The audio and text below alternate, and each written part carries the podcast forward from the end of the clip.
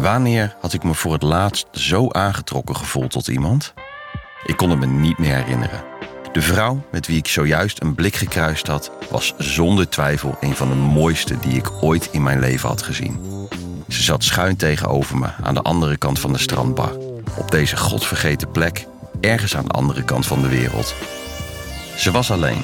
Ze dronk een rode cocktail uit een martini-glas. Haar zongebruinde lichaam glanste in de avondzon. Haar gezicht was een beetje verbrand. Ik zat er al de hele middag. Ik was een stuk meer verbrand.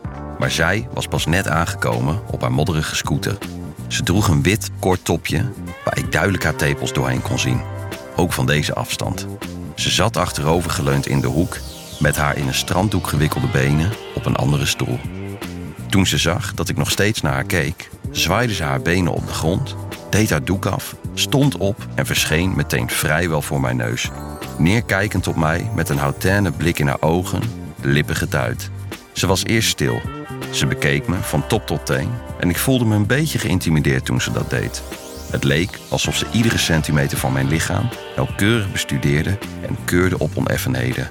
Ze fronste en zei uiteindelijk: I'm not for sale. Ik deed meteen verdedigend mijn handen omhoog. No, no, no, I didn't think, stamelde ik.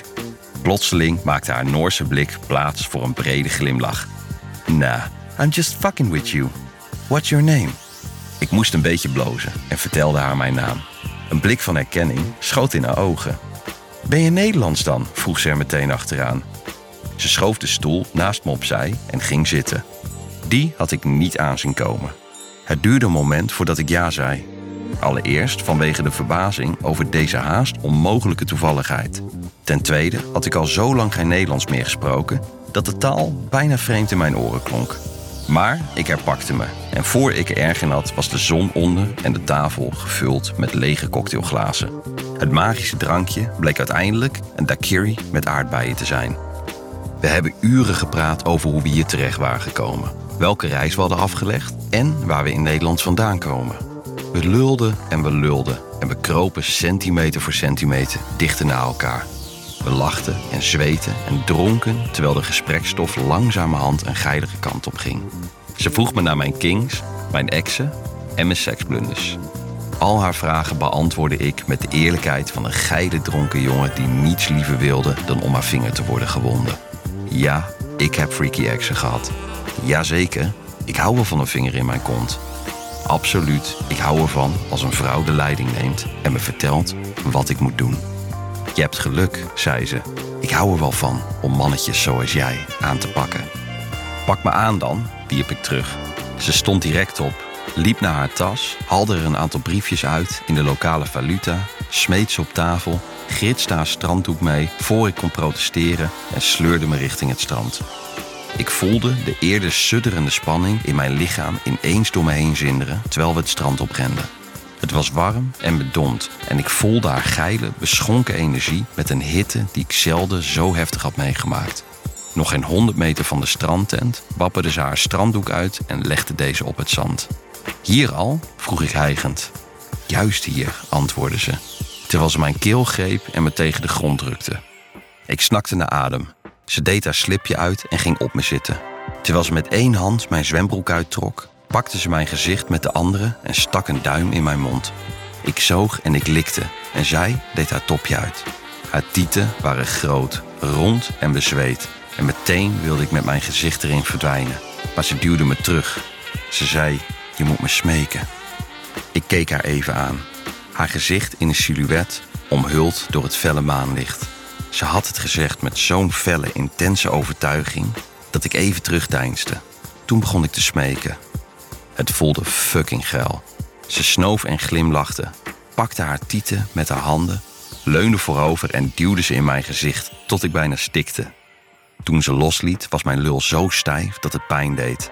Ze ging op haar hurken zitten, kuste me voor het eerst op de mond, draaide zich om en ging op mijn lul zitten. Haar billen klapten tegen elkaar terwijl ze op me reed met vloeiende ronde bewegingen.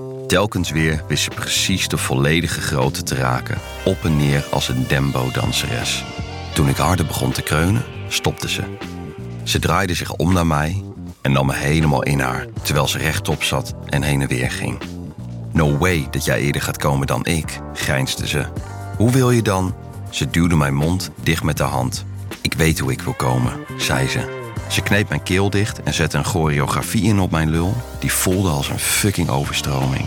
Bij iedere golf stootte mijn eikel langs haar G-spot in golven van bijna stikken en weer loslaten. Elke keer dat ze losliet, snapte ik naar adem, maar tegelijkertijd weer naar haar beklemming.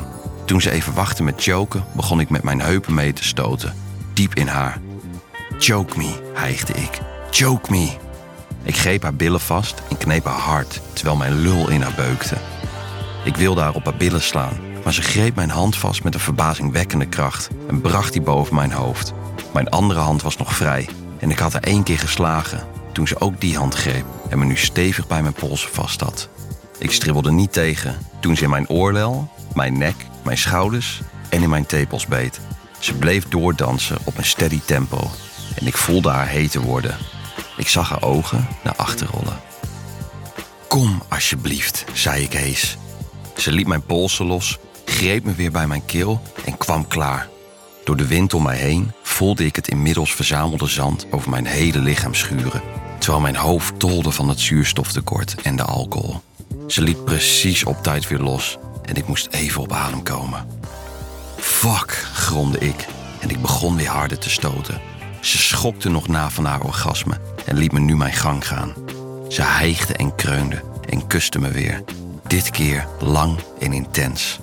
Haar haar zat in mijn gezicht en ze beet op mijn lip. En ik rook haar zoete cocktailadem. Ik neukte haar en ik neukte haar met mijn handen op haar tieten. Ze moedigde me aan en rustte met haar handen op mijn borst en keek me aan van achter haar warrige haar. Ze bracht haar mond naar mijn oor. Je hebt het goed gedaan, fluisterde ze. Ik gromde en wilde haar verder neuken. Maar ze stond op van mijn lul ze ging met haar knieën naar achteren en zei me dat ik mijn benen verder omhoog moest doen. Toen omklemde ze me met haar hand en trok me af en likte tegelijkertijd mijn ballen. Doordat mijn benen verder omhoog waren, kon ze gemakkelijk op mijn kont spugen en een vinger erin doen. Het deed pijn en ik slaakte een gil. Ze stopte, maar ik schudde mijn hoofd en riep: Nee, nee, ga door, alsjeblieft. Want ik wist dat ik zo wilde klaarkomen.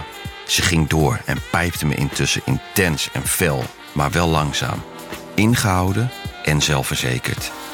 Ze ging met haar vinger langzaam heen en weer, maar ik voelde ieder detail. Al het bloed stroomde naar mijn pik en voor ik het wist, spoot mijn zaad in haar mond, op haar kin en op mijn buik. Ze slikte door wat ze had opgevangen, veegde de rest van haar kin en kuste me. Kom zwemmen dan, zei ze. En terwijl we met trillende benen opstonden en die paar passen naar de zee liepen, dacht ik nog heel eventjes een echo te horen van haar orgasme wervelend in de wind, nauwelijks te verstaan onder het deinen van de golven. Toen we samen in de zee sprongen, bedacht ik me dat haar nasmaak verrassend goed samenging met de Daikaris. Wil jij nou meer spannende verhalen? Luister dan naar Charlie's Avonturen, een podcast van Easy Toys.